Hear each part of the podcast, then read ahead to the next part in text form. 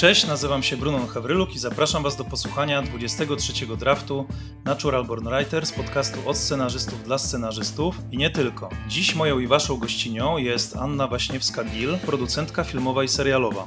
W latach 2009-2013 była producentką w TVP, a przez kolejne 10 lat szefową zespołu fabularnego w TVN Warner Bros. Discovery. Anna jest producentką m.in. takich filmów jak 25 lat niewinności, Czarna Owca, Apokawixa, Na Twoim miejscu, czy Doppelganger Sobowtór, czyli najnowszy film ze scenariuszem Andrzeja Gołdy i w reżyserii Jana Holubka, który kilka dni temu e, na festiwalu w Gdyni zdobyła 6 nagród, w tym nagrodę za zdjęcia, drugoplanową rolę dla Tomasza Szucharda oraz za reżyserię. Anna działa również bardzo prężnie jako koproducentka i tutaj muszę Wam powiedzieć, że ilość niesamowitych tytułów po prostu poraża, ale wymienię e, tylko kilka z nich. Czyli tak, Planeta Singli, Sztuka Kochania, Człowiek z magicznym pudełkiem, Ukryta Gra, Sala Samobójców Hater, Magnezja, 365 dni, Primetime, Niebezpieczni Gentlemani, Johnny, Fucking Bornholm oraz kontynuacja świetnego komediodramatu ze scenariuszem Marka Modzelewskiego, czyli Teściowie 2, którzy również e, niedawno weszli do kin. A dosłownie niedawno w mediach mogliśmy wyczytać, że Anna odeszła z TVN-u i dołączyła do domu produkcyjnego Wonder Films, założonego m.in. przez scenarzystę, producenta i członka zarządu Gildii Scenarzystów Polskich Krzysztofa Raka, którego ja osobiście bardzo znam i szanuję. E, cześć Anno, witam Cię u mnie w podcaście po tym długim wstępie. E, cześć, dzień dobry, witam wszystkich.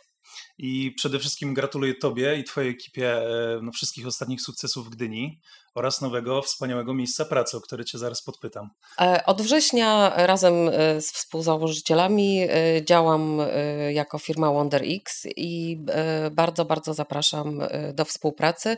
Rozwijam tam kilka projektów filmowych. Mhm. A możesz, możesz właśnie zdradzić, jakie to są już e, rzeczy? Czy bardziej fabularne, czy serialowe? E, nie chciałabym teraz na razie dużo zdradzać, na mhm. pewno są to projekty filmowe. Mhm. A właśnie jak szukacie jako Wonder X, bo myślę, że tutaj słuchających e, scenarzystów i reżyserów, którzy śledzą i Twoją karierę i znają Krzysztofa Raka i twórców Wonder Films, na pewno ciekawi, jakiego rodzaju scenariuszy szukacie. Czy macie jakieś, nie wiem, swoje takie, jakąś specyfikę, jakieś kon konkretne może gatunki Was interesują e, określone, albo czy bardziej Was interesują gotowe teksty, już scenariusze, czy na przykład mogą być też treatmenty, synopsisy? E, tworząc spółkę WonderX z Klaudiuszem Frydrychem, rozmawialiśmy głównie o tym, żeby to były projekty różnorodne e, mhm. i komercyjne, i artystyczne. E, tak jak powiedziałam, rozwijam teraz dwa projekty. Jeden jest bardziej bardziej artystyczny, drugi bardziej komercyjny, mhm. ale tak naprawdę to jestem otwarta na współpracę na każdym etapie, czyli e, mam swoje pomysły e, i chętnie będę rozmawiała ze scenarzystami e, o ich rozwoju, ale również jeżeli ktoś chciałby przyjść z gotowym scenariuszem, treatmentem, czy nawet one-pagerem, to bardzo chętnie się zawsze z tekstem zapoznam i porozmawiam. Mhm. Okej, a mm, takie pytanie właśnie, czy na pewno wiele osób słuchających też może o tym pomyśleć, czy scenarzyści bez dorobku mają u was szansę, czy jeżeli na przykład zgłosi się zdolny autor, autorka z fajnym pomysłem czy fajnym tekstem, i drugie pytanie, jak można się do Was zgłosić? Czy poprzez jakiś mail, czy... Jeżeli scenarzysta jest początkujący, ale ma już tekst i to nie musi być od razu scenariusz, może być treatment, mhm. to myślę, że w trakcie e, współpracy okaże się, czy uda się e, stworzyć wspólnie projekt. E, najlepiej na pewno pisać do mnie na adres mailowy waśniałmałpa.hotmail.com. Ja też jestem na Facebooku, można do mnie na Messengerze napisać. Ja zawsze jestem bardzo ciekawa pomysłów i doświadczonych scenarzystów i również e, takich młodych, początkujących. Mhm. Super. W takim razie, bo to e, z tego co wiem, to od, od września e, teraz tam jesteś, tak? We wrześniu tak, zarejestrowaliśmy tak. spółkę. Więc kiedy można się spodziewać waszych jakichś projektów? To pewnie za rok, dwa najwcześniej, tak? Myślę, że to bardzo różnie bywa z planowaniem produkcji projektów w rozwoju y, mhm. i dlatego stawiałabym na przyszły rok, y, że nie będzie to jakiś bardzo długi czas, ale tak, no myślę, że pewnie jeszcze trochę za wcześnie o tym mówić. Mhm. No dobrze, to, to myślę, że jeśli chodzi o Wonder Film, o Wonder X, to na razie brzmi bardzo tajemniczo, ale ja jestem osobiście bardzo ciekaw, co z tego się narodzi i zachęcam Was wszystkich do, jeżeli macie pomysły, które też e, no, ma, mają szansę zainteresować tutaj producentów z Wonder X, no to się zgłaszajcie. I wiesz co, myślę, że warto też wspomnieć o strajku w Hollywood. To na pewno chciałem też jakby korzystając z okazji, że rozmawiam z Tobą jako producentką, osobą, która no, siedzi w tej branży od lat i obserwuje i też pracowałaś w TVN-ie, czyli który teraz należy do Warner Bros., tak, Discovery, no bo dosłownie kilka dni temu, po 148 dniach zakończył się właśnie ten strajk scenarzystów w Hollywood. Skończyło się to tak, że WGA, czyli Gildia Scenarzystów Amerykańskich, zawarła nowe trzyletnie porozumienie z AMPTP, czyli tym sojuszem zrzeszającym największe studia i streamerów.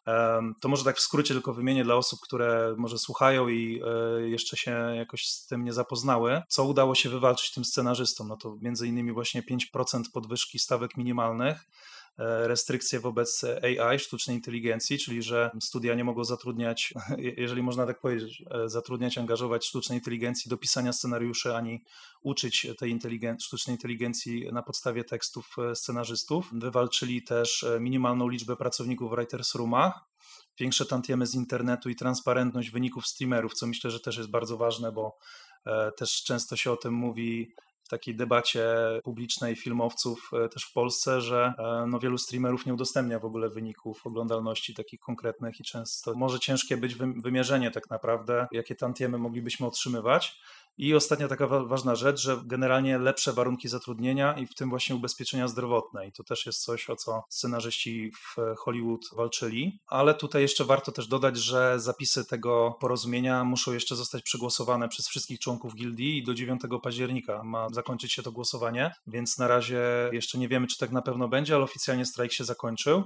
No i e, strajk w Hollywood dalej trwa, ale ten organizowany przez SAG-AFTRA, czyli aktorów performerów. I oni oczywiście są cały czas wspierani przez wszystkich innych twórców Hollywood. No i takie pytanie do ciebie w związku z tym, co ty w ogóle tak osobiście o tym sądzisz? Czy spodziewałaś się w ogóle takiego rozwiązania tej całej sytuacji? Ja myślałam, że ten strajk będzie e, dłużej trwał, ale wiadomo, że jego konsekwencje no, dla producentów, dla studiów i dla streamingu były dosyć radykalne, dlatego właściwie dosyć szybko się zakończył, mimo że tak jak mówisz, trwał ponad 5 miesięcy. Mhm. Natomiast e, wiadomo, że w Polsce jest trochę inaczej. E, w Europie cały czas jeszcze jeszcze nie przeszedł ten akt y, AI, akt, czyli po prostu akt dotyczący regulacji prawnych y, sztucznej inteligencji. E, I myślę, że to, to, będzie kluczowe. Co prawda, no, jak wiadomo, Polska od dwóch lat nie wdrożyła dyrektywy dotyczącej przychodów y, tantiemów z internetu, ale mhm. w momencie, kiedy ten akt, bo ten akt będzie obejmował, wiadomo, dużo więcej, właśnie wykorzystanie przez sztuczną inteligencję materiałów objętych, czy też tekstów objętych prawami autorskimi.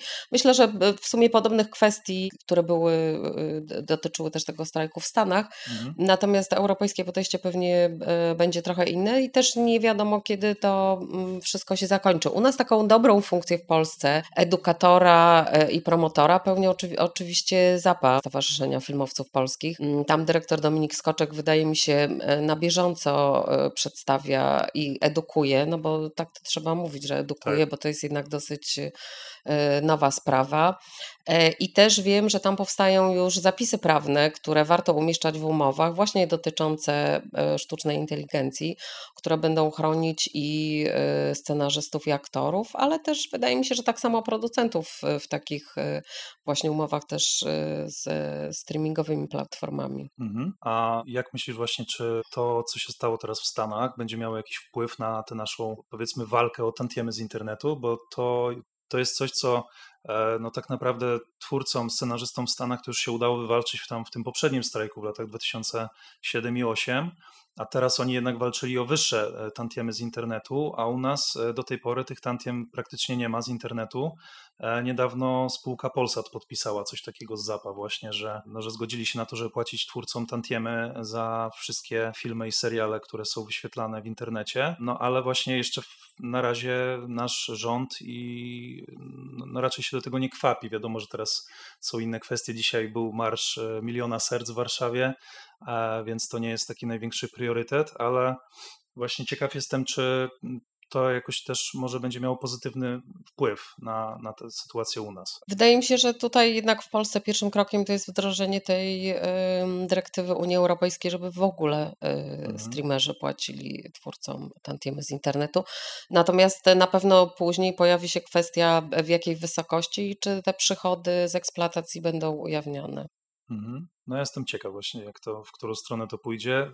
E, przyznam szczerze, że jak się dowiedziałem właśnie, że Polsat e, zgodził się, mimo tego, że jeszcze nie, nie, nie mieli obowiązku, żeby to robić, że zgodził się płacić tantiemy z internetu, no to Mam wrażenie, że tak no w środowisku, na pewno u nas w gildii scenarzystów polskich, to wiele osób zyskało nadzieję na to, że to jest możliwe, żeby to się właśnie zmieniło. A czy uważasz, że ustandaryzowanie warunków pracy u nas w Polsce, na przykład stawek scenarzystów, czy jest to możliwe, tak jak na przykład w Stanach, bo wiadomo, tam ten WGA, ten związek zawodowy, no to już ma chyba stuletnią historię i oni tam od, od dawna o to walczą.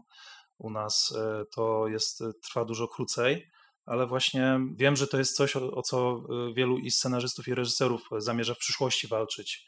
I ciekaw jestem, czy, czy według Ciebie to jest w ogóle możliwe w najbliższym na przykład dziesięcioleciu czy pięcioleciu. Nie wiem, czy to jest możliwe, bo u nas nie ma takich związków, właśnie nie ma też mm. takiej tradycji y, takich działań. I też y, powiem szczerze, że nie wiem, czy to jest tak naprawdę potrzebne, dlatego że standaryzacja jest pewnie ok w takich zawodach mniej twórczych, natomiast tutaj każdy projekt jest inny. Mhm. E, trudno też e, powiedzieć, bardzo różne są stawki w zależności i od budżetów projektu, i od czasu, który się spędza. Wydaje mi się, że tutaj to chyba powinno być takie porozumienie pomiędzy producentem i scenarzystą, czy producentem i reżyserem przy konkretnym projekcie, gdzie obie strony są otwarte na negocjacje i faktycznie jest to uczciwa stawka. Mhm. A nie masz takiego wrażenia właśnie, że czasem w Polsce, e, no ja się z tym stykam i jako, ja jako scenarzysta i też rozmawiam z e, właśnie kolegami, koleżankami z środowiska filmowego, e, no, że często dochodzi do takich sytuacji, że na przykład zgłasza się producent do scenarzysty czy reżysera z własnym pomysłem i mówi, słuchaj, rozpisz nam to na przykład w formie, nie wiem, one-pagera czy biblii serialu, jakiś treatment nam napisz, My z tym pójdziemy do streamera. Jeżeli to się komuś spodoba, no to e, powstanie serial czy film i, i ci wtedy zapłacimy.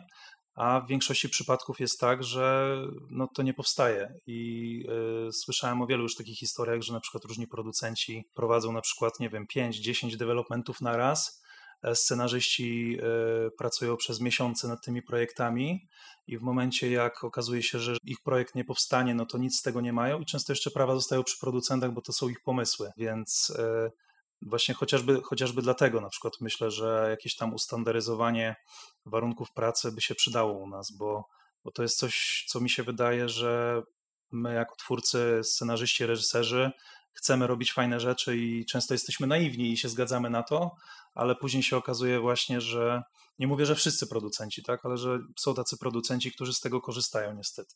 No, trudno mi się wypowiadać o innych producentach. Ja na pewno hmm. tak nigdy nie pracowałam. Zawsze to była jakaś taka jasna umowa, y, jak ma przebiegać ta współpraca i jakie będzie wynagrodzenie, także... Okej, okay. no to oby więcej takich producentów u nas w Polsce. Jeszcze ostatnie pytanie właśnie odnośnie tych e, tantiem z internetu, bo to w sumie mnie ciekawi też wielu, e, wiele osób, z którymi rozmawiałem. E, czy producentom w Polsce w ogóle zależy na tym, żeby te tantiemy z internetu weszły? Bo tak e, w takiej jakiejś ogólnej debacie mam wrażenie, że głównie twórcy o, to, o tym dyskutują, a rzadziej słyszę producentów, którzy o tym mówią. Znaczy ja mogę mówić za siebie, bo hmm. nie jestem przedstawicielem producentów tak, tak. i wydaje mi się, że jest to oczywiste, że każdemu producentowi powinno zależeć na tym, żeby twórcy, którzy z nim tworzą projekt, y, byli zadowoleni. Na to jest na pewno istotna część e, pracy, wynagrodzenie i jest to po prostu wynagrodzenie, które e, każdemu twórcy, który jest uprawniony do tantiem się należy. Mhm. Okej, okay. to takie laickie pytanie zadam, bo nie do końca wiem, bo producenci, rozumiem, nie mają żadnych tantiem, nie? Jakby to, to, to nie jest, tylko producenci ewentualnie dostają jakieś tam premie od sprzedaży na przykład jakiegoś projektu na przykład do jakiegoś e, VOD czy streamera, tak? To tam... Producenci nie mają mhm. tantiem, te kwestie, o których mówisz, to one są ustalane mm, też indywidualnie w zależności od projektów w umowach y, y, ze streamerami, jeżeli chodzi o, tak, o, o, o przychody czy jakieś bonusy, ale to, to jest jakby zupełnie inna kwestia.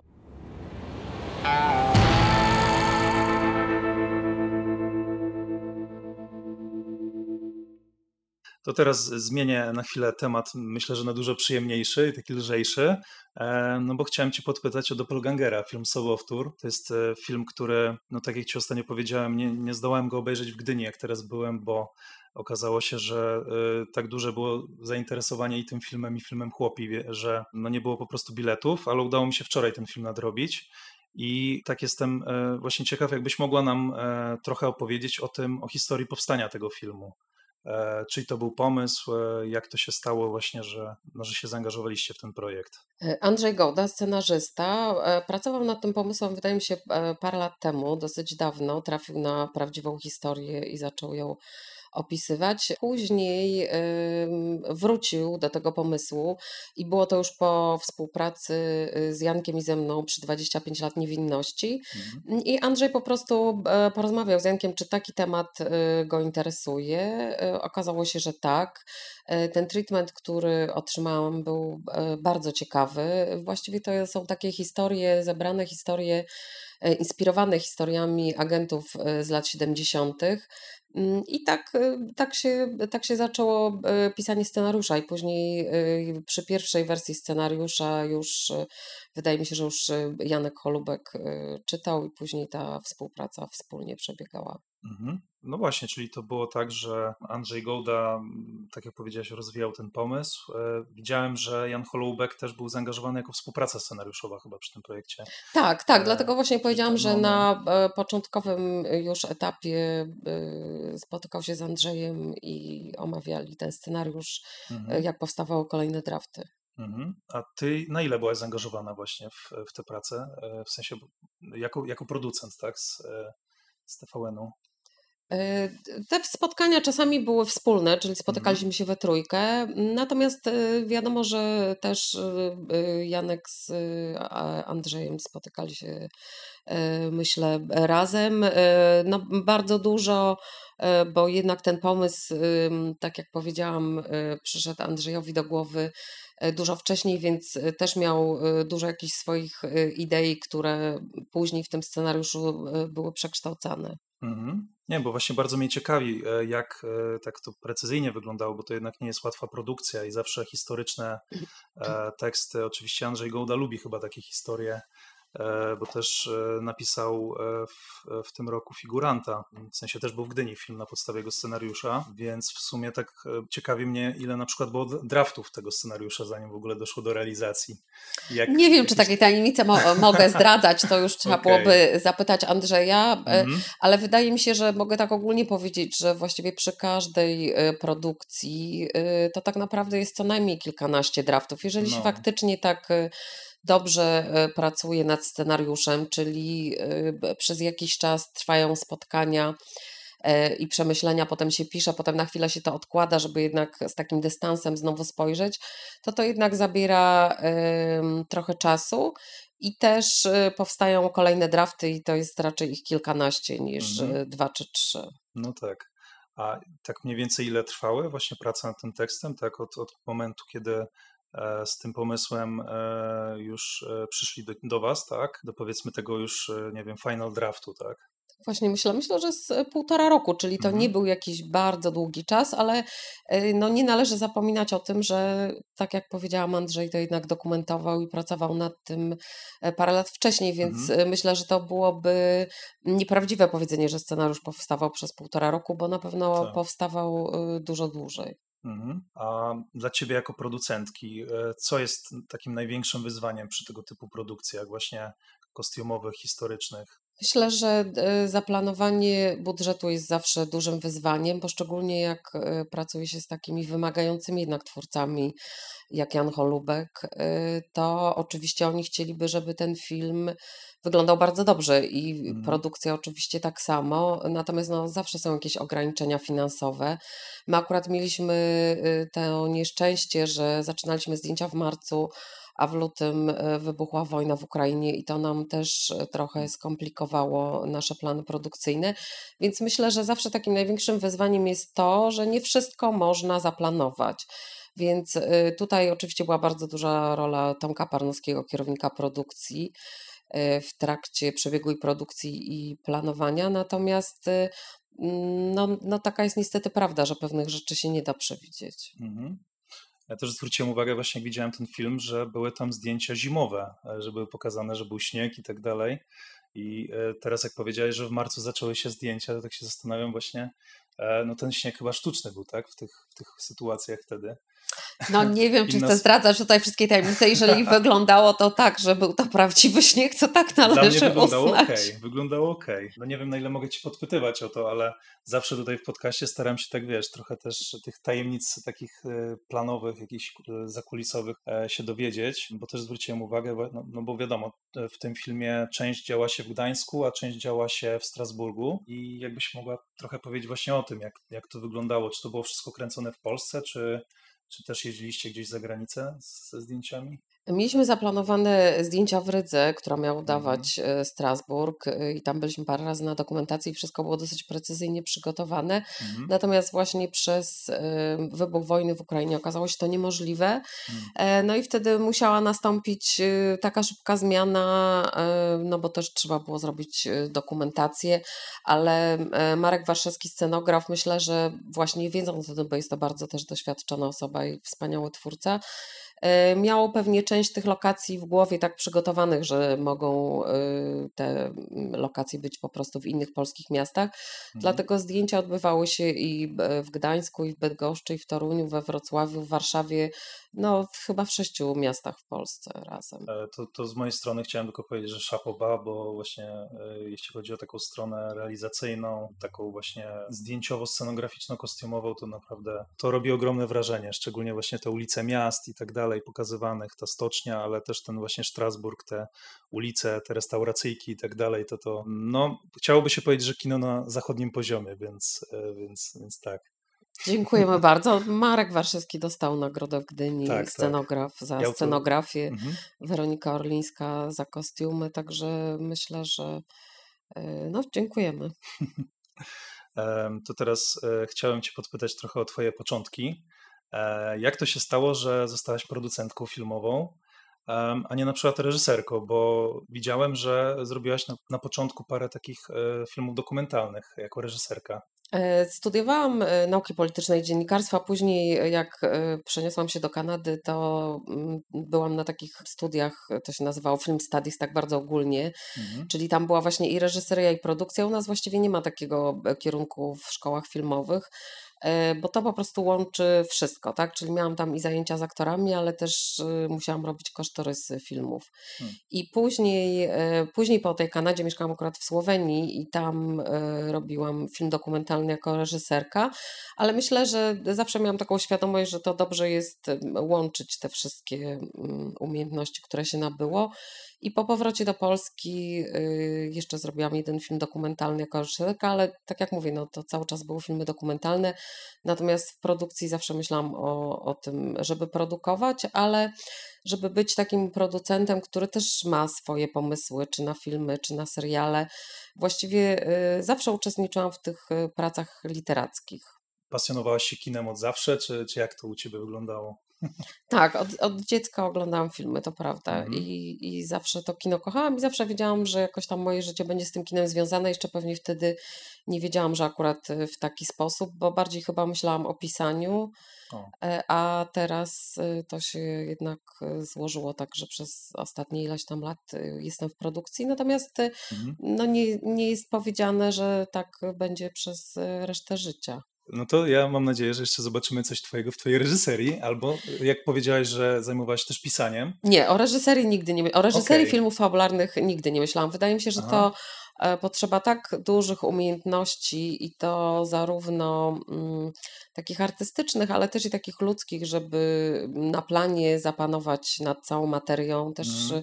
E, potrzeba niesamowitej charyzmy i to jest w ogóle super na przykład e, oglądać takich reżyserów, którzy to wszystko mają, czyli na przykład e, Janka Holubka na planie, który naprawdę potrafi e, wydobyć wszystko najlepsze i, i z aktorów, y, i z ekipy, która też wydaje mi się jest mu bardzo oddana i dzięki temu e, tworzą bardzo dobre rzeczy. Także nie, o reżyserii, y, Mhm. o reżyserii filmów fabularnych nigdy nie myślałam.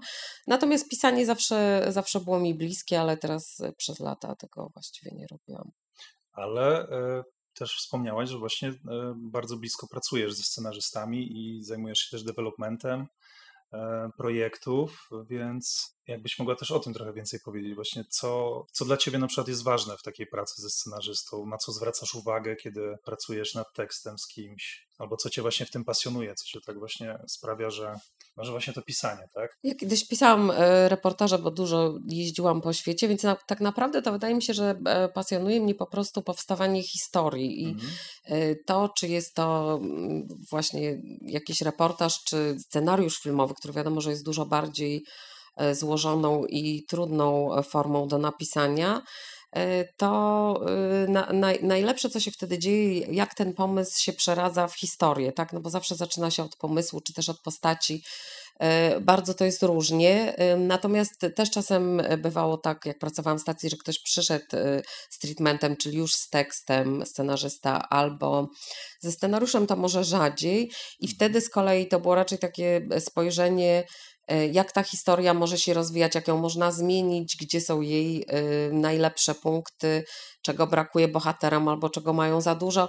Wydaje mi się, że taka mm, dogłębna analiza to jest to bardzo może czasem pracochłonna, ale też i e, że, jest to dosyć fascynujące zadanie, szczególnie jeżeli później efekt e, końcowy jest taki, że pozwala stworzyć z tego film. To, to na pewno Mhm. jest y, dużo bardziej satysfakcjonujące niż napisanie reportażu, który ktoś przeczyta, bo tutaj jednak jeszcze dokłada się cała ta warstwa wizualna, więc jest to na pewno mm, dużo bardziej skomplikowane zadanie. A jakie masz podejście do struktury? Bo to, to też mnie właśnie ciekawi, bo wśród scenarzystów w Polsce szczególnie to, to jest bardzo różnie, że jedni, jedni bardziej tak em, są res, restrykcyjni w, w tym względzie, że patrzą właśnie, że wiadomo, pierwszy, drugi, trzeci akt to jest podstawa, inni tam e, też e, podchodzą bardziej serio do tego, co tam pisał Blake Snyder w Uratuj Kotka, Save the Cat, albo tam innych tych e, różnych paradygmatów scenariu- scenariuszowych, ale są,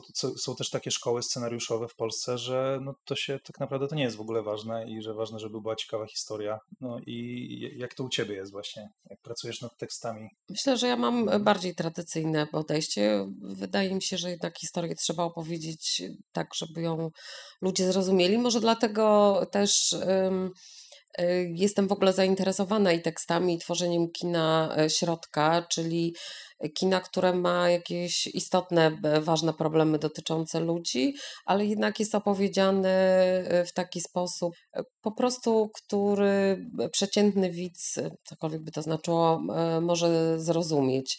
Mhm. I tak, i myślę, że ja raczej jestem za tym, może nie konserwatywnym, e, ale takim podejściem tradycyjnym do scenariusza. Ale to w takim razie, jak na przykład miewasz czasem takie rozmowy ze scenarzystami czy z reżyserami, to, to nie wiem, właśnie wchodzicie na taki poziom rozmów, że nie wiem, w drugim akcie to nie działa, tutaj pierwszy punkt zwrotny może inaczej, może tutaj dodać jakąś motywację bohaterowi czy coś, czy, czy raczej y, tak indywidualnie bardziej? Myślę, że, że moje zaangażowanie w prace scenariuszowe bardzo różni się od projektu do projektu, bo to też Mhm. właśnie zależy od tego, y, jaki scenarzysta y, to pisze.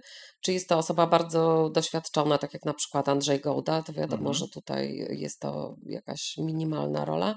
Natomiast y, jeżeli są to scenarzyści, którzy po prostu nawet potrzebują takiego partnera do rozmowy, jeżeli y, to są początki powstawania historii, to wtedy, to wtedy na pewno dużo bardziej wchodzimy w szczegóły. Mhm. Jakbyś e, mogła nam powiedzieć, jak wspominasz swoje początki jako producentka? Jak zaczynałaś pracę, czy w Ozumi Films, czy, czy później w telewizji polskiej przy, przy tych serialach, które tam robiłaś, bo wtedy między innymi produkowałaś e, 1920 Wojna i Miłość oraz Komisarz Alex i tam jeszcze parę innych rzeczy. I jak wspominasz te prace, jak to, jak to wyglądało wtedy? Myślę, że teraz e, tak bardzo, no bo to są te produkcje, które robiłam ponad 10 lat temu. Mhm. Yy, Myślę, że miałam wtedy dużo mniejsze doświadczenie, więc też chyba e, moja rola była po prostu trochę mniejsza. Poza tym e, te produkcje, które powstawały w agencji filmowej, ówczesnej agencji filmowej, e, to zawsze one były z producentami e, z zewnątrz, więc e, tam więcej osób było, e, które jakby dyskutowały o projekcie i o tym, jak ten projekt ma wyglądać.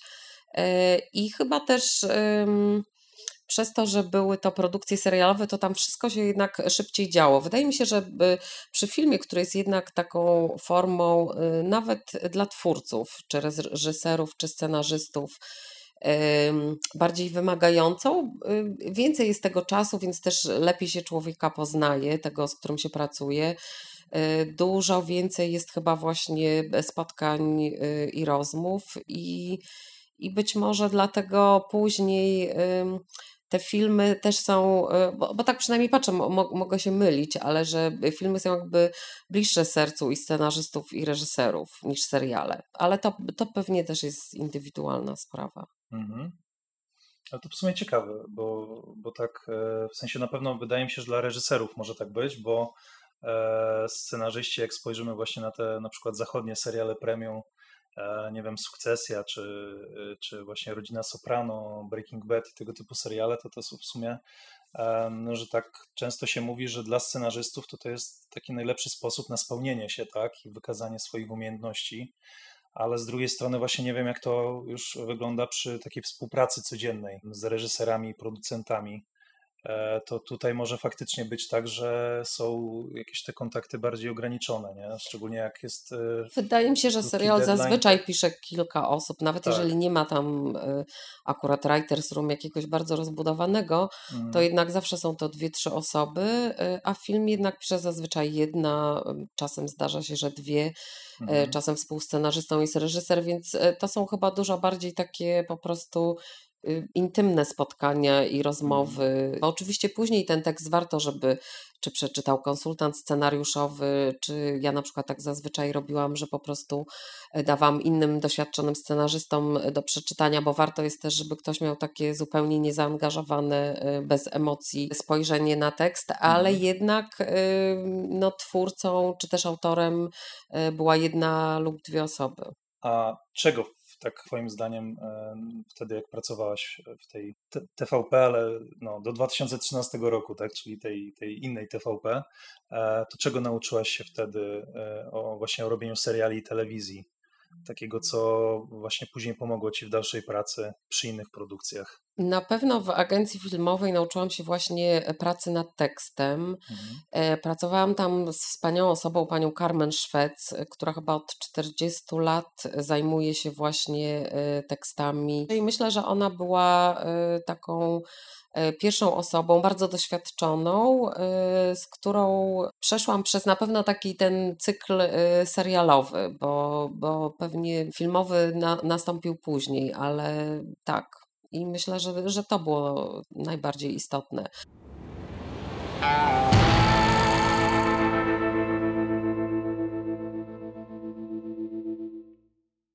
Troszkę bym Cię chciał podpytać o Twoją pracę w TVN, bo jednak 10 lat tam spędziłaś.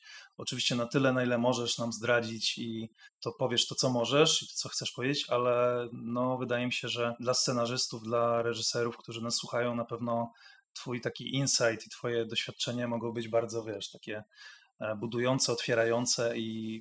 Ja mogę powiedzieć o takich po prostu moich metodach pracy, które pewnie A, okay. Mhm. niezależnie od miejsca y, są y, aktualne. Mhm. E, akurat w tamtym momencie, to było 10 lat temu, po prostu była taka potrzeba E, produkcji większej ilości filmów. Wiadomo było, że powinny to być filmy takie, które docierają do szerszej publiczności, więc po pierwsze myślałam o różnych pomysłach, o tym, z kim można by było nawiązać e, współpracę. Tu właśnie mówię o scenarzystach, bo zazwyczaj jednak e, miałam taką metodę pracy, że E, powstawał tekst z jakimś scenarzystą i na którymś etapie był do współpracy zapraszany reżyser, więc mhm. e, nie było raczej takich sytuacji, że przyszedł reżyser e, z napisanym już tekstem, albo jeżeli się tak zdarzały, to było to raczej rzadziej. Czyli właściwie to mm, była większa możliwość współpracy ze scenarzystami i też mi się wydaje, że dla scenarzystów do wykazania się, bo jeżeli ktoś na przykład E, chciał pisać filmy fabularne, a nie seriale, no to miał tutaj e, możliwość takiego spotkania, przedstawienia pomysłu, e, napisania treatmentu, czyli bez takiej może inspiracji, czy też później wpływu reżysera. I to mhm. można na to różnie patrzeć, czy to było dobrze, czy źle. Pewnie taki scenarzysta, który pisze e, ukierunkowany przez reżysera, pisze inaczej niż jak jest jakby pozostawiony sam sobie. Mhm. I tutaj może to być właśnie albo lepiej, albo gorzej, ale na pewno to takie, takie możliwości scenarzystom stwarzało, że po prostu mogli napisać film fabularny, myśląc pewnie o tym, kogo oni by widzieli i chcieli później później, e, żeby jaki reżyser się tym tekstem zajął, go zmienił, z nimi później współpracował, jakby wniósł całą swoją kreatywność, ale jednak e, na początku był scenarzysta. To tak ciekawe podejście, bo no, u nas to, to wiesz, to, to klasyka polskiego kina, tak? Czyli, że kino autorskie, reżyser jest osobą, która pisze scenariusze, E, czyli tutaj jakby ty jesteś jakby za tym, żeby niekoniecznie zawsze scenarzystą musiał być reżyser, tak? I że jeżeli owszem, reżyser potrafi pisać i jest zdolnym scenarzystą, no to ok, ale um, że też ważna jest taka kooperacja, tak? Taka rozmowa e, między tym powiedzmy scenarzystą, literatem, a tym reżyserem, który ożywi ten tekst, nie? Że to niekoniecznie tak zawsze musi wyglądać jak przy wielu innych filmach polskich. Wydaje mi się, że to też w Polsce się ostatnio bardzo zmieniło, że mhm. właśnie są reżyserzy, którzy y, chcą pracować ze scenarzystami, chcą czytać teksty scenarzystów, żeby później je realizować. Oczywiście też są reżyserzy, którzy są zainteresowani tylko i wyłącznie realizowaniem własnych scenariuszy, mhm. ale myślę, że jest już w Polsce e, ta różnorodność, której kiedyś jednak e, nie było, z czego ona wynikała, myślę, że po prostu z kultury europejskiej, że e, w mhm. Europie było doceniane mm, kino autorskie, natomiast no, mogą powstawać bardzo dobre filmy, jeżeli właśnie mm, pracę rozpocznie scenarzysta. Wydaje mi się to też bardzo istotne dla polskiego rynku, bo żeby y, wzmocnić y, pozycję scenarzysty, to powinni oni właśnie też inicjować y, różne działania, też pisać scenariusze i później rozmawiać i współpracować z reżyserami. Mhm. Na pewno jest coś takiego, że tak mi się wydaje, jestem powiedzmy w tej branży takiej filmowej i pracuję jako scenarzysta do około 10 lat, więc to nie jest jakoś bardzo dużo, ale tak z obserwacji i z rozmów z różnych opowieści.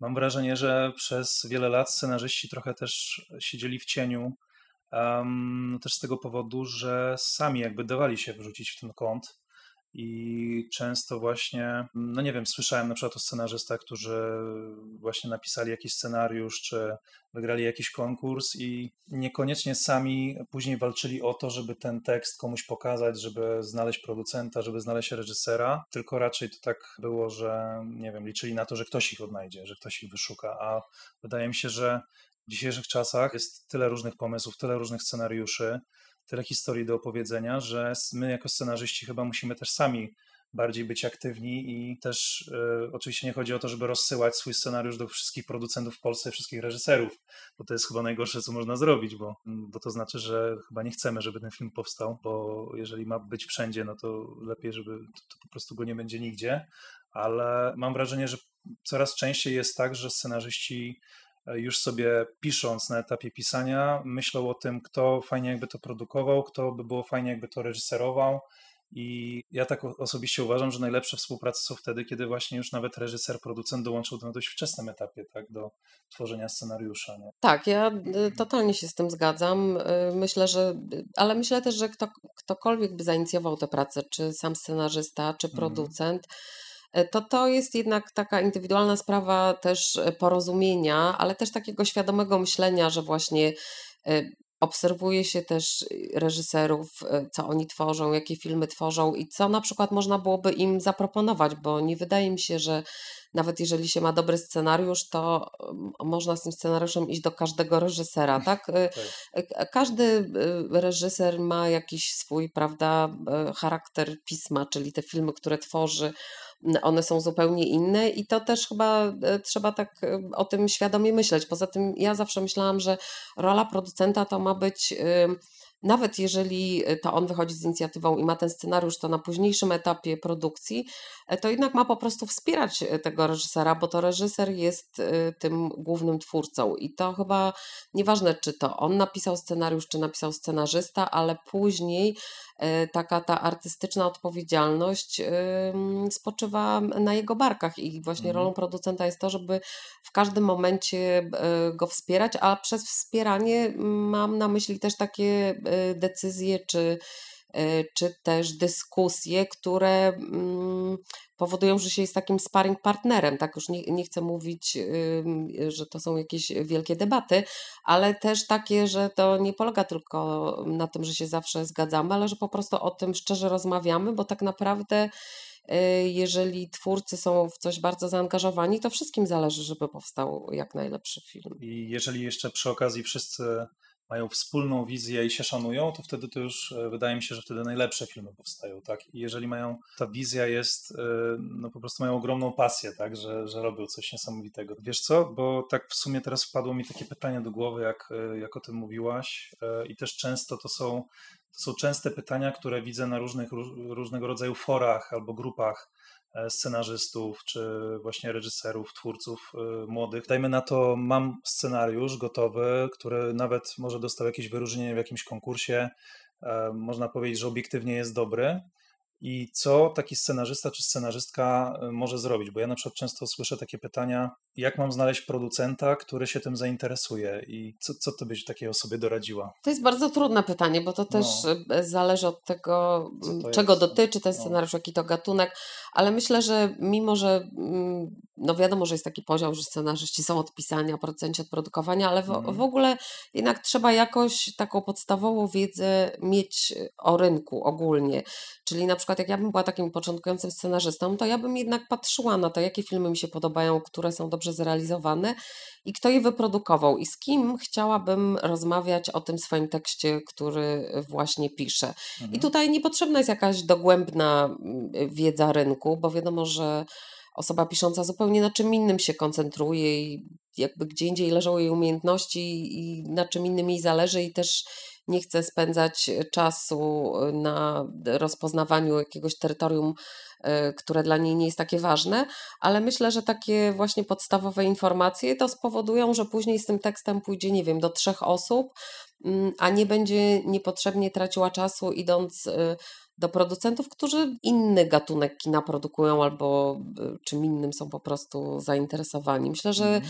takie ogólne y, spojrzenie na ten rynek y, i jakaś taka podstawowa świadomość tego, co się dzieje, to potrzebna jest każdemu w tej branży, niezależnie od tego, czy jest scenarzystą, reżyserem, czy producentem początkującym. Tak, tak, to się zgadzam. Czyli no, jeżeli mamy arthouse'owy bardzo projekt, no to nie ma sensu iść do producenta, który zwykle produkuje na przykład komedie romantyczne, tak? No bo to E, chyba, chociaż... że akurat chce coś zmienić Chyba, w swoim życiu, tak. to tak naprawdę może nie trzeba się zamykać. No. Też na pewno bardzo istotne są takie e, spotkania, że się po prostu te osoby też poznaje jako człowieka, czy później mhm. można y, z nią pracować i prowadzić rozmowy mm, scenariuszowe, bo to jednak się dosyć dużo czasu razem spędza i wydaje mi się, że też takie e, właściwości po prostu ludzkie, osobowościowe są dosyć istotne w tej pracy. Tak, tak. Nawet, nawet czasem słyszę od niektórych e, też tutaj e, gości u mnie w podcaście, że no niejednokrotnie no to właśnie te takie relacyjne sprawy, tak, to czy w ogóle lubimy tę osobę, czy chcemy z nią spędzać czas, jest czasem ważniejsze od tego, niż to, czy ta osoba faktycznie jest mega zdolna, tak? E, czy, znaczy na pewno idealnie, jak jest to wszystko porówno, tak? Że jest i zdolna i, i fajnie się z nią pracuje, ale no, z najlepszym geniuszem, który jest mrukiem i który nie słucha uwag i się obraża i tak dalej i jest ciężki w, w współpracy, no to nawet z taką osobą to, to ciężko po prostu pracować, tak? Oczywiście no tak, to ale wszystko... to nie jest też jakaś taka bardzo lekka praca, więc tak. ja bym też y, tak bardzo y, się nie broniła przed y, pracą z trudnymi ludźmi i wydaje mi się, mhm. że szacunek, tak obopólny szacunek to jest taka podstawa, natomiast czy się mniej lub bardziej lubimy, to już chyba są kwestie takie, wiadomo, wiadomo, że dobrze by było, żeby tak było, ale, mhm. E, ale chyba najistotniejszy jest e, obopólny szacunek, zaufanie i taka jakaś e, zawodowa uczciwość. I wtedy myślę, że zawsze można się porozumieć i coś fajnego powstanie. Mhm. A jeśli chodzi właśnie o kontaktowanie się z producentami, to jakie drogi według Ciebie są sensowne? Bo no wiem, że wielu scenarzystów, scenarzystek próbuje na przykład wysyłać maile i z mojego doświadczenia no to prawie nigdy nie działa. Szczególnie, że e, na skrzynki mailowe producentów, bardziej rozpoznawalnych producentów, no to często no, wpada tyle scenariuszy, że oni by chyba tego nie zdążyli nawet wszystkiego przeczytać. Nie mogę mówić o innych procentach, mogę mówić o sobie. tak, I tak. ja akurat naprawdę e, zawsze e, czytam te teksty, które przychodzą. Mhm. E, w momencie, kiedy, nie wiem, może miałabym tych propozycji tak bardzo dużo i jeszcze jak pracowałam w stacji, to na pewno były tam osoby, które ze mną redaktorzy współpracowali, więc jeżeli nie ja sama, to redaktorzy czytali i potem o tym rozmawialiśmy. Natomiast y, właśnie wracając do tego szacunku, to mi się wydaje, że to powoduje, że jeżeli się dostaje od kogoś maila z tekstem, to powinno się do niego zajrzeć i przynajmniej zapoznać i, i odpowiedzieć tak czy nie, bo Mhm. wiadomo, że teksty mogą przychodzić bardzo dobre albo bardzo niedobre i wtedy być może mm, nie ma takiej potrzeby, żeby y, czytać y, wszystko do końca. Natomiast, y, natomiast na pewno, na, na, na pewno warto, ja mam takie podejście, że warto y, czytać y, każdy tekst, który przychodzi, bo nigdy nie wiadomo, ja, jaki on będzie. No, po Okej. paru stronach już wiadomo, ale chodzi mi o to, że żeby ja na przykład y, Mhm. naprawdę nie ignoruję osób y, początkujących, bo może właśnie to jest osoba, która y, bardzo dobrze pisze. To, to fajnie, bo przyznam Ci szczerze, że przynajmniej z opowieści, które ja słyszę, no to często właśnie na maile producenci nie odpowiadają, szczególnie takie maile od w cudzysłowie no-name'ów czy osób, e, które się jakoś tam wcześniej nie zapowiedzą.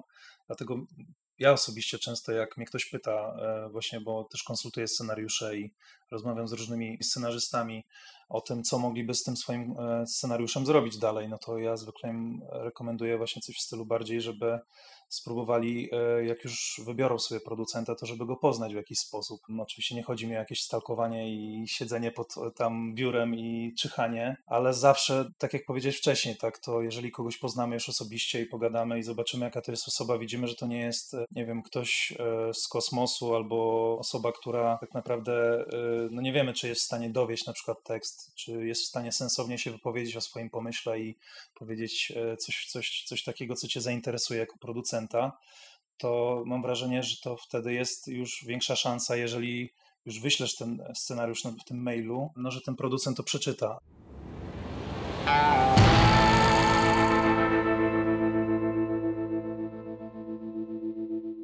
Okej, to wiesz co, bo zwróciłem uwagę, że masz też e, wiele filmów w swoim, filmografii w swojej, nie jako producentka, tylko jako koproducentka. I tutaj muszę zadać takie może laickie pytanie, może trochę takie nie do końca profesjonalne, ale często od producentów słyszę słowa typu, e, jak z nimi rozmawiam, że e, bo to, to nie moje, bo byłem tylko koproducentem.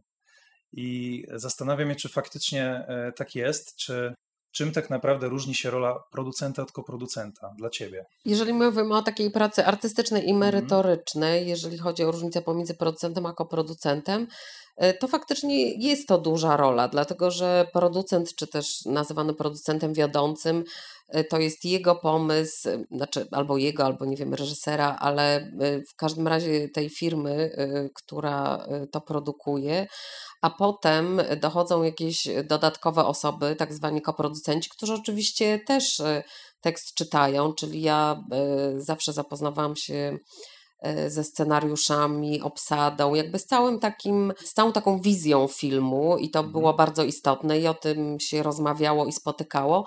Natomiast tak naprawdę y, decyzyjny w tym układzie producenta i koproducentów jest zawsze producent wiodący, tak, bo to na nim spoczywa y, jakby obowiązek doprowadzenia y, produkcji do końca. Natomiast ja myślę, że to też jak właściwie zawsze zależy od projektu, czy rola, czy rola koproducenta jest mniejsza czy większa w tych rozmowach. Też zależy na jakim etapie właśnie do tej koprodukcji dołączamy. Ale ogólnie to tak, no na pewno rola koproducenta jest mniejsza niż producenta. Okej, a jeśli chodzi właśnie o, też zauważyłem, że masz wpisane e, produkcje jako e, nadzór produkcyjny i koordynacja produkcyjna. I to też są takie kredyty, które na przykład dla mnie są dość e, takie niejasne. Więc może, może powiesz, bo, bo jestem ciekaw, co to jest. Czy, jak, czym to dokładnie się, wiesz, charakteryzuje? E, Koordynacja produkcji to była na wcześniejszym etapie e, Mhm. mojej działalności, jeszcze zanim zostałam e, producentem. Jest to po prostu jakaś tam e, e, rola w ekipie, to, to było, nie wiem, z 15 lat temu. Tak. E, Natomiast nadzór produkcyjny, produkcja, to myślę, że to są tylko jakieś takie określenia już, jeżeli się A, e, pracuje z dużą firmą, ale to nie ma jakiegoś bardzo istotnego znaczenia. okej. Akurat w moim przypadku, bo myślę, że to też. Mhm. Myślę w ogóle, że sprawa napisów i początkowych, i końcowych w filmie to jest naprawdę bardzo ciekawy temat, Tak. bo od projektu do projektu e, to może się to różnić. Każdy ma też jakby Y, swoją wizję tego, jak te napisy powinny wyglądać, mimo że no, parę kwestii takich jak właśnie reżyser, producent, scenarzysta, to one są y, jasne i proste, natomiast już cała reszta niekoniecznie, bo film ma też i różnych konsultantów. No, na, na, napisy to jest jakby oddzielna w ogóle też yy, tak ciekawa historia. Czasami, nie mhm. zawsze, ale czasami ale możemy trochę w to pójść, bo ja, ja osobiście na przykład e, no często ze scenarzystami, scenarzystkami znajomymi e, no mamy tego typu dyskusje właśnie, szczególnie jeśli chodzi o te kredyty scenarzystów, czyli scenarzysta, współpraca scenariuszowa często się pojawia, wiadomo, konsultacja, script doctoring i tak dalej, ale często się pojawia to bardziej tej, w tej nomenklaturze anglojęzycznej story by. U nas to się mówi albo materiały do scenariusza, tak powiedzmy mniej e, formalnie, albo E, właśnie e, też współpraca scenariuszowa albo nie wiem, że historia tak przez kogoś wymyślona i nawet e, od, od, pewnego czasu w Gildii Scenarzystów wiem, że pracują nad tym, żeby na nowej stronie internetowej, która się pojawi, był taki e, słowniczek takich określeń różnych, e, z których my często korzystamy jako scenarzyści, no, do których na przykład właśnie co znaczy dokładnie współpraca scenariuszowa, co znaczy konsultowanie, co się w tym zawiera, no bo to są takie sprawy, że czasem jak na przykład dochodzi do różnego rodzaju konfliktów, oczywiście nigdy, nikt z nas nie lubi konfliktów, ale na pewnym etapie kariery każdy się spotyka z czymś takim, no że na przykład pracujesz jako scenarzysta, później się okazuje, że tutaj ktoś chce bardziej, żebyś był współpracą scenariuszową na przykład, albo pracujesz jako współpraca scenariuszowa, a później ktoś chce zdegradować twoją pracę, umniejszyć i powiedzieć, że jesteś bardziej konsultantem scenariuszowym. Więc myślę, że e, no przynajmniej na tym poletku scenariuszowym u nas, to mam wrażenie, że takie rzeczy żeby to wszystko dokładnie dookreślić, jest potrzebne. No bo to też zależy często od tego, czy w sensie, czy na przykład będziesz jako twórca miał tantiemy, tak, czy, czy nie będziesz miał. Tak, myślę, że u nas faktycznie te, nie ma takich jasnych, e, konkretnych definicji tych różnych e, rodzajów współpracy, ale też, no właśnie wiadomo, w zależności od y, projektu to się może różnić, ale jeżeli gilia scenarzystów to opracuje, to na pewno to będzie pomocne. Jednak przy współpracy też istotne jest bardzo, żeby zawierać umowę, w której się określa mhm. E, warunki tej współpracy.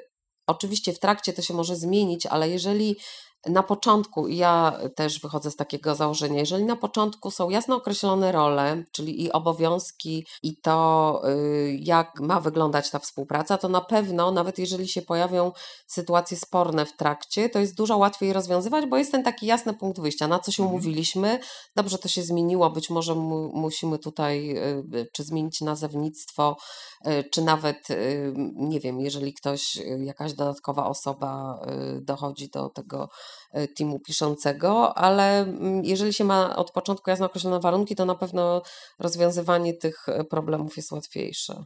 Tak, chociaż no jest też coś takiego, oczywiście e, teraz rozmawiam z producentką, która wydaje mi się, że w sensie z tego, co mówisz i z tego, co też słyszałem o tobie, że raczej pilnujesz tych standardów w swojej pracy i ale, ale jednak właśnie choćby te przykłady, które teraz podałem, właśnie tego typu sytuacje, no to często właśnie dochodzą, wydarzają się wtedy, kiedy, no kiedy tej umowy nie ma. I to jest właśnie też y, coś, co zdarza się bardzo często, no że e, scenarzysta, reżyser e, rozpoczyna współpracę, coś piszą i scenarzysta pyta na przykład, czy, czy możemy podpisać umowę i na przykład czasem słyszy, że no na tym etapie jeszcze nie ma sensu, żeby podpisać umowę, bo na przykład nie wiemy, jaki będzie budżet filmu, więc na tym etapie, jak mamy powiedzieć, ci zapłacimy za scenariusz, jak nie wiemy, jaki będzie budżet.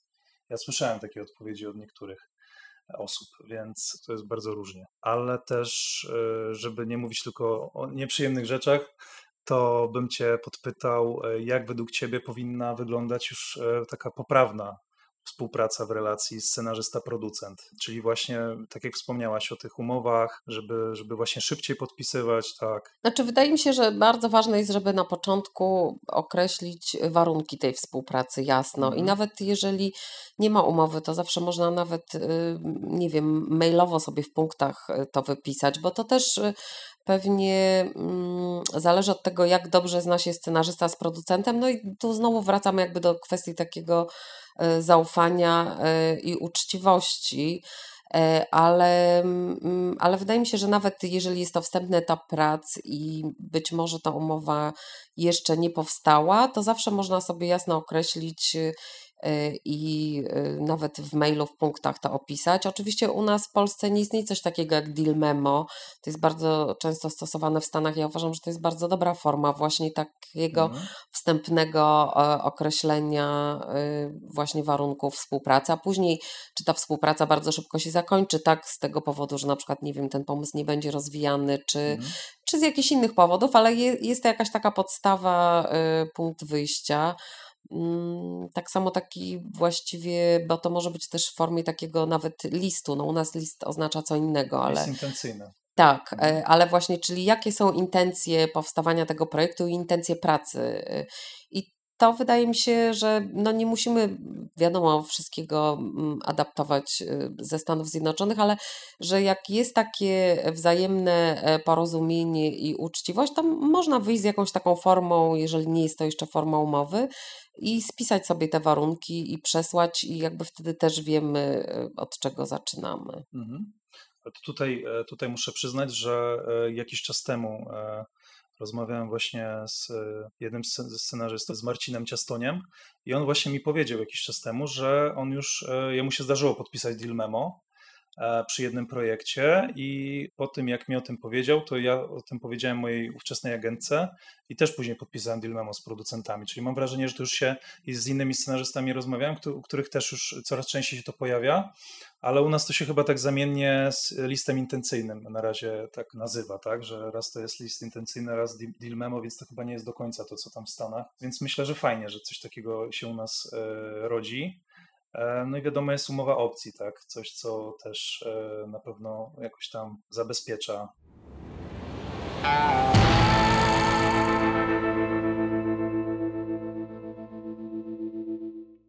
Tutaj mam ostre pytanie ale nie, musi, nie wiem, czy odpowiesz, bo wiem, że bardziej chcesz mówić za siebie, ale to jest pytanie, które się przewija i często też jak zadawałem takie pytania słuchaczom, co, e, co by chcieli, żebym zapytał producenta, który u mnie będzie gościem, to, to też się pojawiło parę razy. Dlaczego tak wielu producentów w Polsce nie chce na początku nic płacić scenarzystom? Czy naprawdę jest tak, że nie mają środków, czy może chodzi na przykład o to, że łapią zbyt wiele srok za ogon i chcą e, angażować się w wiele projektów naraz i nie chcą się angażować bardziej w te projekty, bo nie wiedzą, który wypali na przykład, który się sprzeda.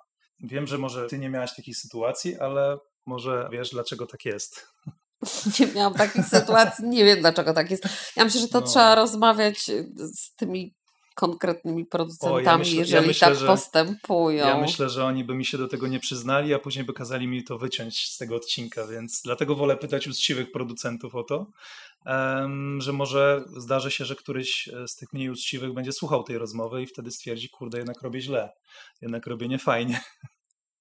Bo tutaj, tutaj też e, jakby powiem taką rzecz, którą jakiś czas temu napisałem taki dłuższy post i tam dość e, jakimś tam zainteresowaniem się cieszył post jako właśnie mój podcast, no że spotykam się z czymś takim e, też, że wielu początkujących, takich młodych twórców, reżyserów, producentów, ale takich właśnie nie wiem, po, którzy zrobili na przykład mikrobudżet, ale, albo którzy są jeszcze przed debiutem, spotykam się z takimi sytuacjami, że jak e, uderzają do scenarzysty albo scenarzystki, żeby coś im napisali, to z własnych pieniędzy są w stanie na przykład zapłacić jakąś zaliczkę dla tych scenarzystów, nie? Mówiąc szczerze, że słuchaj, nie mamy teraz całej kwoty, bo to wiadomo, duży budżet, tam nie wiem, 100 tysięcy powiedzmy za scenariusz, tak średnio, tyle nie mamy, ale jesteśmy w stanie ci zapłacić taką zaliczkę określoną, żebyś przez na przykład miesiąc czy dwa mógł e, się skupić na tym scenariuszu i wydaje mi się, że to naprawdę jest fajne i sensowne, a mam wrażenie, że rzadziej słychać coś takiego od domów produkcyjnych. Ja na przykład byłem świadkiem kilku rozmów u kilku producentów większych w Polsce, którzy jak e, z kolegami scenarzystami pytaliśmy o jakiekolwiek wynagrodzenie, no to patrzyli na nas dość dziwnie i mówili, że ale że nasza polityka firmy nie przewiduje płacenia na takim etapie z naszych środków, że dopiero jak streamer na przykład, nie wiem, e, e, no, HBO to teraz nie powiem Netflix, czy Kanal Plus, czy jakaś inna, inna, inny nadawca jest zainteresowany zakupieniem tego i oni zapłacą, to wtedy scenarzysta może dostać wynagrodzenie, ale jeżeli tak się nie zdarzy i ten projekt nie zostanie kupiony, to często właśnie scenarzyści muszą pisać za darmo. I właśnie to mnie zastanawia, dlaczego tak jest i zdarza się tak, że młodzi twórcy są w stanie znaleźć te środki, a już tacy bardziej więksi producenci nie są w stanie. Znaczy, no nie, nie wiem, no bo nie, nie, mogę się za innych wypowiadać, natomiast mm. wydaje mi się, że e, każda sytuacja to w tej sytuacji są dwie strony, czyli mm. pewnie scenarzyści po prostu nie powinni się godzić e, na, takie, na taki układ. No tak też jest tak, że, że gildia scenarzystów raczej radzi scenarzystom, żeby się nie godzili na takie warunki.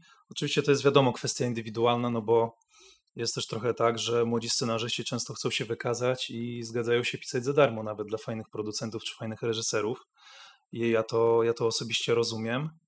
Um, chociaż jeżeli się spędzi 5 lat na pisaniu za darmo dla fajnych producentów i reżyserów i nic z tego nie powstaje, to wtedy y, mam wrażenie, że osoby, które tak robią, zrozumieją na przykład mój punkt widzenia.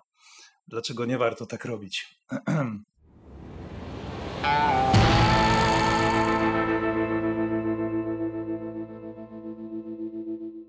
Pracujesz i pracowałeś z wieloma scenarzystami w Polsce i właśnie tak zastanawiam się z Twoich obserwacji, jakie są najczęstsze błędy polskich scenarzystek, scenarzystów, a jakie są takie nasze silne strony. Trochę pokutuje u nas w polskim kinie, często się mówi właśnie od lat narzeka się na scenariusze. E, chociaż mam wrażenie, że w ostatnim pięcioleciu czy nawet dziesięcioleciu już się to mocno zmienia, ale dalej słyszy się, się takie głosy. Myślę, że faktycznie e, na polskim rynku, bo jeżeli się popatrzy, jest bardzo dużo zdolnych ludzi, i reżyserów, i operatorów, natomiast y, dobrych, doświadczonych scenarzystów wydaje mi się najbardziej brakuje. Mhm. E, pewnie częściowo wynika to z tego właśnie, z tej tradycji, że kiedyś y, reżyserzy pisali swoje scenariusze tylko i wyłącznie teraz jest ta większa różnorodność, czyli że i reżyserzy piszą, i też scenarzyści, ale ten rynek jakoś się faktycznie nie wykształcił.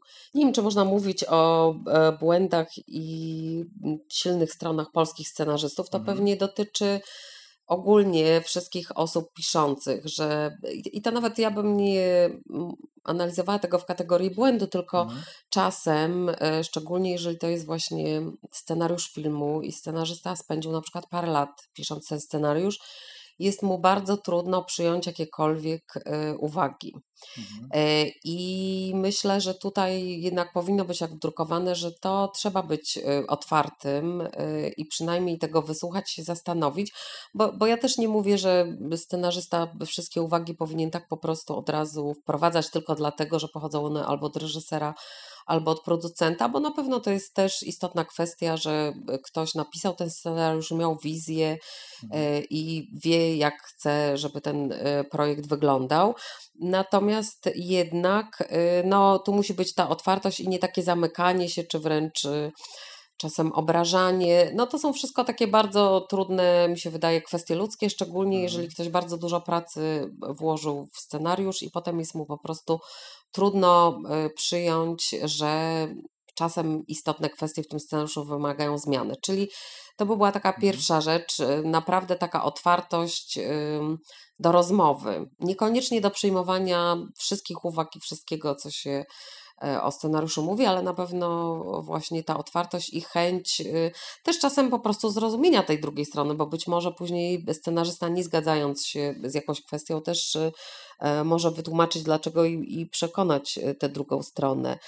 Mm, to, to właśnie to nie, nie analizowałam tego w kategorii błędu, tylko takie po prostu mm, umiejętności współpracy. Mhm.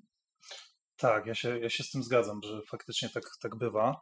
E, w ogóle mi się wydaje, że ważne też, oczywiście nie tylko u scenarzystów, ale w ogóle u twórców, jest posiadanie trochę takiej jakby samoświadomości, samokrytyki, tak? Czyli, że nie branie wszystkiego, co się stworzy za genialne i najlepsze i też jakby taka jakby, w sensie wiadomo, jeżeli jeden producent ci powie, że to, to, to i to jest słabe, to tak jak z tym powiedzeniem o, o, o, o, pijanym, tak? Ale jeżeli już więcej osób ci powie, że tak jest, że warto to dopracować, to zmienić i tak dalej, to może coś w tym jest. I um, oczywiście taki scenarzysta na przykład może sobie wtedy pomyśleć, że kiedy usłyszę jakieś uwagi, które mu się nie spodobają, e, pójdę do innego producenta, ale jeżeli pójdzie do innego producenta i usłyszy to samo, to znaczy, że coś jest nie tak.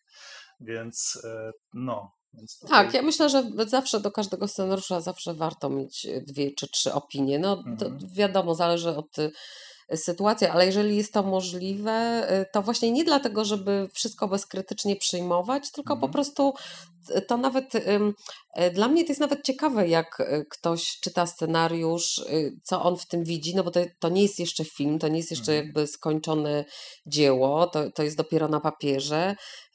I, I jakie mogą być uwagi do tekstu? Mhm. A jeżeli chodzi właśnie o podejście do struktury albo do tworzenia bohaterów, pisania dialogów, do formatu, takie bardziej technikalia, to, to właśnie scenarzyści, z którymi pracujesz, to, to masz wrażenie, że na przestrzeni tych właśnie lat, jak pracowałeś ze scenarzystami i teraz, to masz wrażenie, że to się już bardziej jakoś w którąś stronę idzie lepszą, gorszą obecnie? Myślę, że to zależy od osoby, bo zupełnie mhm. inaczej jednak e, współpracuje się ze scenarzystą, który e, ma dorobek, ale jeszcze cały czas właśnie potrzebuje jakiegoś wsparcia, zupełnie inaczej z kimś, kto e, jest bardzo doświadczoną osobą i, i tego nie potrzebuje. Natomiast wydaje mi się, że w Polsce zaczął się w końcu wykształcać po prostu taki rynek scenarzystów, że E, więcej tych filmów powstaje w oparciu o scenariusze scenarzystów, a nie reżyserów. E, I na pewno e, za jakiś czas będzie parę nazwisk scenarzystów. Wydaje mi się, że już teraz tak jest, ale nie jest to nawet 15 nazwisk, tylko raczej kilka, a no, w końcu tworzy się w Polsce, nie wiem, 60 filmów rocznie na przykład, chyba teraz mhm. ostatnio tak było, więc więc na pewno powinno być tych nazwisk scenarzystów więcej. I myślę też, że jak się wykształci ten rynek, no to będzie tak, że niektórzy scenarzyści będą się bardziej y, wyspecjalizują w pisaniu dramatów, czy filmów obyczajowych, czy, czy horrorów, ale to na pewno y, musi minąć y, trochę czasu i też musi być taka potrzeba, czyli że po prostu będą produkcje filmów w oparciu o scenariusze scenarzystów, a nie reżyserów. Mhm. E, w tym roku w Gdyni chyba zwróciłem uwagę, że na 16 filmów w konkursie głównym, żeby nie skłamać, ale ponad połowa chyba była e, napisana przez reżyserów i jednocześnie scenarzystów. E, więc trochę słabiej niż rok temu, bo rok temu całkiem sporo faktycznie. Tam rok temu chyba było 20 filmów w konkursie głównym i faktycznie tych filmów pisanych przez scenarzystów było więcej, ale to może też dlatego, że było więcej filmów, więc to może tak jakoś się złożyło. Ale dla porównania mogę Ci powiedzieć, bo ja mhm. kiedyś robiłam takie porównanie, ale to było chyba z 8 lat temu, no. że w konkursie 16 filmów był jeden napisany przez scenarzystę o. i jeden napisany przez scenarzystę i reżysera. Okay. Nie powiem dokładnie, który to był rok, e, mhm. ale wydaje mi się, że to było około 8 lat temu, czyli to i tak się, się, zmienia. Tak, zmienia się, szczególnie, że też no, na pewno scenarzyści siedzą e, często w telewizji i telewizja to jest tak naprawdę jakby, no można powiedzieć, e, królestwo dla scenarzystów, tak, bo mają największy wpływ na to, co się dzieje. I tych seriali powstaje coraz więcej w streamingu i w telewizjach, więc e, na pewno scenarzyści mają się gdzie kształcić i gdzie zdobywać swoje jakieś doświadczenia i, się spełniać. A jakbyś tak e, mogła powiedzieć właśnie z perspektywy producenta, który też no, wszyscy przeszliśmy przez pandemię, teraz mamy inflację, wojna na wschodzie, strajk w Hollywood. Jakie Twoim zdaniem scenariusze obecnie mają szansę na realizację? W sensie nie, nie, nie, chcę pytać konkretnie, bo wiadomo, że nie można powiedzieć, czy horror, czy, czy kryminał, czy, czy komedia, ale chodzi mi bardziej o takie kwestie budżetowe. E, na co my, scenarzyści, powinniśmy dzisiaj zwracać uwagę w 20, 2023 roku, jak piszemy czy, czy faktycznie powinniśmy trochę bardziej budżetowo teraz pisać i zastanawiać się nad każdą lokacją, nad każdym jakimś drogą, sceną zbiorową, czy, czy, czy może masz inne zdanie na ten temat? Myślę, że jak scenarzysta pisze, to nic go nie powinno ograniczać. Na pewno mhm. nie te kwestie finansowe, na pewno nie na tym pierwszym etapie, y, no bo to po prostu zabija jakąś kreatywność. Myślę, że to jest na późniejszym etapie istotne, jak się już ma reżysera i producenta i budżet, e, że wiadomo, że czasem e, trzeba jakieś elementy zmienić, ale ja akurat jestem przeciwna temu, że ktoś siada e, i ma napisać film, nie wiem, tam za jakąś określoną kwotę E, no bo wtedy to chyba jednak się za bardzo ogranicza na samym początku. Te ograniczenia i tak przyjdą, to wiadomo, mhm. ale lepiej, żeby one przyszły na późniejszym etapie. Lepiej, żeby po prostu był dobry tekst. Oczywiście, jak ktoś pisze kino kostiumowe, no to musi wiedzieć, że problemy z realizacją, czy, czy w ogóle, czy to dojdzie do realizacji, że to jest po prostu dużo. Mm, dłuższa droga albo y, no mniej pewne jest to zakończenia sukcesem niż y, współczesna komedia. Mhm. Natomiast nie, ja nie sądzę, że na początku tak się powinno myśleć i ograniczać, bo jednak jest to praca twórcza i po prostu um, wydaje mi się, że ktoś piszący po, powinien pisać o tym, co zna, albo co już zrobił research, czy dokumentację, mhm. E, co czuje I wtedy jest szansa, że powstanie dobry tekst. A to, że później, jeżeli on się okaże, że jest za drogi, to trochę dłużej potrwa, albo że będą potrzebne jakieś zmiany, to to powinno pójść na, przyjść na późniejszym etapie, y, nie od razu.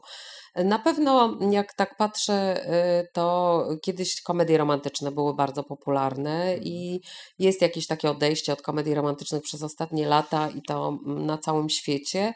No może nawet jakoś tego bardzo nie analizując, y, to wydaje mi się, że y, te różne doświadczenia, czyli właśnie i pandemia, i wojna spowodowały, że nadal na pewno jest zapotrzebowanie na takie kino typu y, historia, bajka, że się dobrze kończy, ale może jednak trochę bardziej osadzone w rzeczywistości, czyli właśnie mm, już może nie takie zupełnie jak e, Dynastia, tak jak ja byłam mała, to oglądam Dynastię, nie wiem, akurat mi się tak skojarzyło, że to był jakiś taki zupełnie wytworzony, wyimaginowany świat, e, taka po prostu bajka dla dorosłych. To teraz chyba akurat nie ma na to zapotrzebowania, natomiast na pewno jest zapotrzebowanie na takie kino, e, które jakąś nadzieję niesie, bo ogólnie te wszystkie doświadczenia na całym świecie są trudne, więc, y, więc po, potrzebne są na pewno takie filmy. Kino autorskie, artystyczne zawsze będzie trafiało do jakiejś y, na pewno mniejszej, ale grupy osób i na pewno y, będzie na takie filmy zapotrzebowanie. Więc myślę, że tylko jakoś tak te, i to też na tym etapie akurat komedie romantyczne odeszły do lamusa. E, tutaj muszę też powiedzieć od razu, że bo już zmierzamy powoli do końca, ale że też zaprosiłem Ciebie tutaj między innymi dlatego, bo e, no, odpowiadasz za produkcję takich gatunkowych e, filmów, e, odważnych moim zdaniem, jak na przykład właśnie Człowiek z magicznym pudełkiem, czy komediowy horror Apokawiksa, thrillery Ukryta gra, Hater i filmy takie kostiumowe, postmodernistyczne, westerny, trochę w stylu Magnezja, Niebezpieczni Gentlemani. I moje pytanie jest takie, czy jak w ogóle w Polsce można robić takie kino i czy uważasz, że będzie go więcej? Y, z takim pytaniem, to akurat przy tych y, tytułach, o których mówiłeś, to trzeba byłoby się y, zapytać producentów, bo mhm. większość jednak z tych tytułów to byli inni producenci i to oni podejmowali takie ryzyko, że mhm. projekt jednak odbiega trochę od normy i może później nie zostać y, dobrze przyjęty przez widownię i nie wymieniając tytułów, ale w niektórych przypadkach faktycznie e, tak było, że nawet jeżeli film miał dobre recenzje, no to przez to, że był dosyć innowacyjny w takim podejściu i realizacji, nie zawsze znajdował widownię. Ja myślę, że takie próby będą zawsze i to dobrze, e, bo, bo i tak jak popatrzymy na polskie kino, szczególnie na polskie debiuty, E, to one są jednak zazwyczaj dosyć zachowawcze, że jest takie bardzo y, tradycyjne y, podejście, bo na przykład na świecie te debiuty czasem są bardzo szalone. E, I to i w formie, i w gatunku, i w tym, jak to jest pisane. U nas raczej są one tradycyjne, co nie, co nie znaczy, że one są złe, ale raczej jest to takie po prostu kino obyczajowe, czy dramat nie ma takich prób.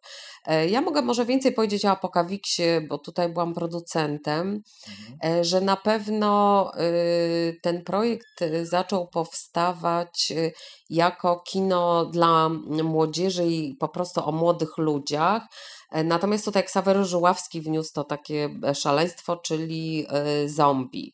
Mhm. I i wydaje mi się, że to jest y, super, żeby takich projektów powstawało więcej, bo wtedy też y, po prostu przyzwyczajamy polską widownię, że takie y, filmy też wydaje mi się, że są fajne i dobre, tylko też pytanie, i to już jakby trochę na innym poziomie, czy młodzi ludzie chodzą do kina, czy oni raczej wszystko teraz oglądają w streamie i czy tego typu filmy to Mhm. ma y, po prostu finansowy sens, żeby miały e, premiery w kinie. Ale wydaje mi się, że gdyby powstawało ich więcej, że gdyby więcej było takich właśnie e, twórców odważnych, no i też producentów, bo to oni ponoszą Mhm. to ryzyko, to wpłynęłoby to na różnorodność polskiego kina.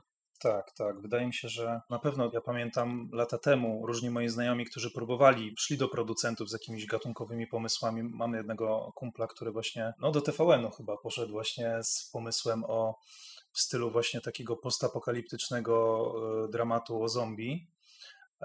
I mimo, że badania tam z tego co kojarzę były jakieś zrobione i wyszły całkiem pozytywne, to jednak e, wówczas nie zaryzykowali, ale to było właśnie już, nie pamiętam, ale chyba no, niecałe 10 lat temu, więc to były zupełnie inne czasy chyba, jeśli chodzi o, o, u nas w Polsce o takie kino e, gatunkowe, a teraz to już nikogo nie dziwi to, że na przykład ktoś robi polskie science fiction czy polskie, polski horror, więc e, myślę, że to jest fajne. To już dosłownie przed, przedostatnie pytanie, czyli bo dostałem parę pytań od słuchaczy, którzy wiedzieli, że ma być u mnie producentka i pytanie brzmi, e, czy to prawda, że tworzenie filmów w Polsce jest dziś opłacalne tylko dzięki PiSowi?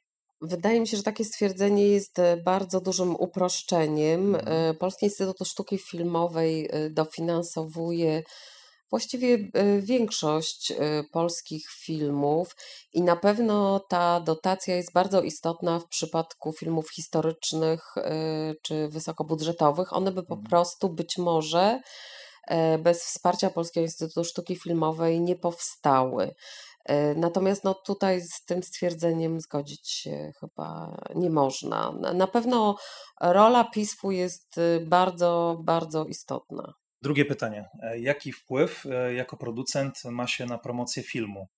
Czy to jest w 100% zadanie dystrybucji?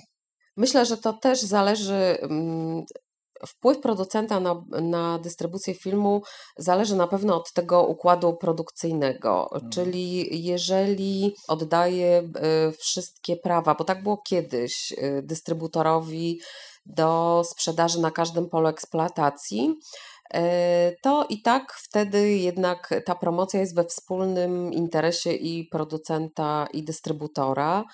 E, natomiast teraz y, trochę to inaczej wygląda, bo często jest tak, że dystrybutor ma tylko e, prawa kinowe, natomiast y, eksploatacją i na innych polach e, zajmuje się producent, ale zawsze, w każdym przypadku i właściwie czy to było kiedyś, czy teraz, no to na pewno jest w interesie e, producenta, żeby mieć jak największy wpływ e, na promocję filmu i jak najbardziej pomagać dystrybutorowi, jeżeli jest to doświadczony dystrybutor i ma dobre pomysły i go w tym wspierać, e, no bo od tego, jak ta promocja przebiegnie i, i jaką będą miały oglądalność te filmy i odbiór, to zależą też nawet nie tylko wyniki finansowe tego danego filmu, ale też i kolejne filmy producenta. Mhm. Tak. ostatnie pytanie. Jaki film, książkę lub serial, który ostatnio widziałaś albo czytałaś, chciałabyś polecić naszym słuchaczom? E, ostatnio widziałam film e, Past Lives. To była produkcja e, koreańsko-kanadyjska. Mhm. Nie był to film wysokobudżetowy, ani nawet nie nazwałabym chyba tego dużym filmem, natomiast bardzo, bardzo poruszyła mnie historia po prostu opowiedziana i to w jaki sposób była, że takimi oszczędnymi środkami było zaskakujące, więc tak naprawdę bardzo emocjonalnie po prostu odebrałam ten film. I on był w kinach jakiś miesiąc temu, nie wiem czy teraz nadal jest grany. Mhm. Jeżeli chodzi o książkę, to bardzo polecam y, dzienniki Sandora Maraja. Jest to taki filozof, pisarz e, węgierski, który e, bardzo dużo czasu spędził na emigracji i we Włoszech, i w Stanach. To nie jest jakaś e, nowość wydawnicza. E, Natomiast ja naprawdę bardzo e, cenię sobie taką literaturę, która też czerpie z życia i z takich doświadczeń mm, na różnych płaszczyznach, w różnych krajach. e, I te dzienniki obejmują kilkadziesiąt lat e, życia Sandora Maraja i dotyczą takich e, naprawdę istotnych kwestii w życiu dla każdego. Więc myślę, że mm, nawet gdyby się nie zaczynało od pierwszego, tam są chyba cztery części, czy drugiego, że to są takie rzeczy, że w dowolnym momencie możesz sięgnąć po jakiś tom i zawsze w tym znajdziesz coś dla siebie, a nawet takie ukojenie, bo on był taki trochę może nostalgiczny, ale te jego wspomnienia, ym, to były lata 40., 50., to naprawdę są tak ciekawe obserwacje, szczególnie jeżeli chodzi o Stany Zjednoczone, bo to był jego pierwszy raz, kiedy on na emigracji się udał do Stanów Zjednoczonych, a jednak jak adekwatne nawet teraz do tego, jak on obserwował tych ludzi. Czyli to w ogóle świadczy też o takiej niesamowitej umiejętności obserwacji życia i potem przekładania tego e, na papier, pisania i opisywania, że e, człowiek nawet czytając to tyle lat później e, widzi, że to po prostu była wielka postać z niesamowitym zmysłem obserwacji. Podobał mi się też serial Ted Lasso, mimo że faktycznie można mieć taką obawę, że ta historia opowiadana była w taki bardzo prosty sposób e, i nawet można powiedzieć czasem wręcz infantylny, ale to, co było tam niesamowicie ciekawe, to taka wiara w człowieka, wiara w to, że człowiek jest dobry, że potrafi wyjść z sytuacji, szanując też odrębność innych ludzi. Więc wydaje mi się, że tam em, w tej takiej prostej historii było bardzo dużo e, prawd o człowieku zawartych, które akurat mi bardzo odpowiadały. No i też na pewno jeszcze serial em, Ricka Gervaisa Afterlife. E, To było takie moje odkrycie e, parę lat temu bo mimo, że tak naprawdę y, smutny temat, ale to po prostu było tak prawdziwie opowiedziane. On był świetny też w tej roli, a wcześniej znaliśmy go tylko przecież jako znanego stand-upera, raczej wyśmiewającego e, gwiazdy i otaczającego, znaczy może nawet nie otaczającego, ale przebywające- przebywającego w świecie takiego blichtru, a to taki też bardzo oszczędnymi środkami, w prosty sposób opowiedziana e, bardzo poruszająca historia i też e, zakończenie nie było takie mm, oczywiste, a jednak cały czas e, było pozytywne, także na pewno ja w ogóle jestem wielką fanką e, Rickiego Gervaisa, ale tutaj on pokazał się w zupełnie innej odsłonie w serialu Afterlife. Myślę, że już, myślę, że to już koniec. E, bardzo dziękuję, że mogłem Cię tutaj gościć. Dziękuję bardzo za zaproszenie i jeszcze raz zapraszam wszystkich scenarzystów e, do kontaktu ze mną w sprawie nowych projektów. Super, dziękuję. Cześć. Dziękuję. Kolejny draft już za 4 tygodnie, w środę o godzinie 21. Gorąco zachęcam Was do śledzenia naszego Facebooka i Instagrama, gdzie wrzucam wszystkie aktualności, ale nie tylko. Chcę też, żeby nasze social media służyły jako swego rodzaju motywator dla scenarzystów i innych twórców. Dlatego gorąco zachęcam Was do odwiedzania nas, gdy na przykład macie gorszy dzień i chcecie się zmobilizować do kreatywnej pracy. Koniecznie dawajcie też znać w komentarzach, jak Wam się podobała rozmowa. Partnerami podcastu są Gildia Scenarzystów Polskich i Biblioteka Scenariuszy Filmowych.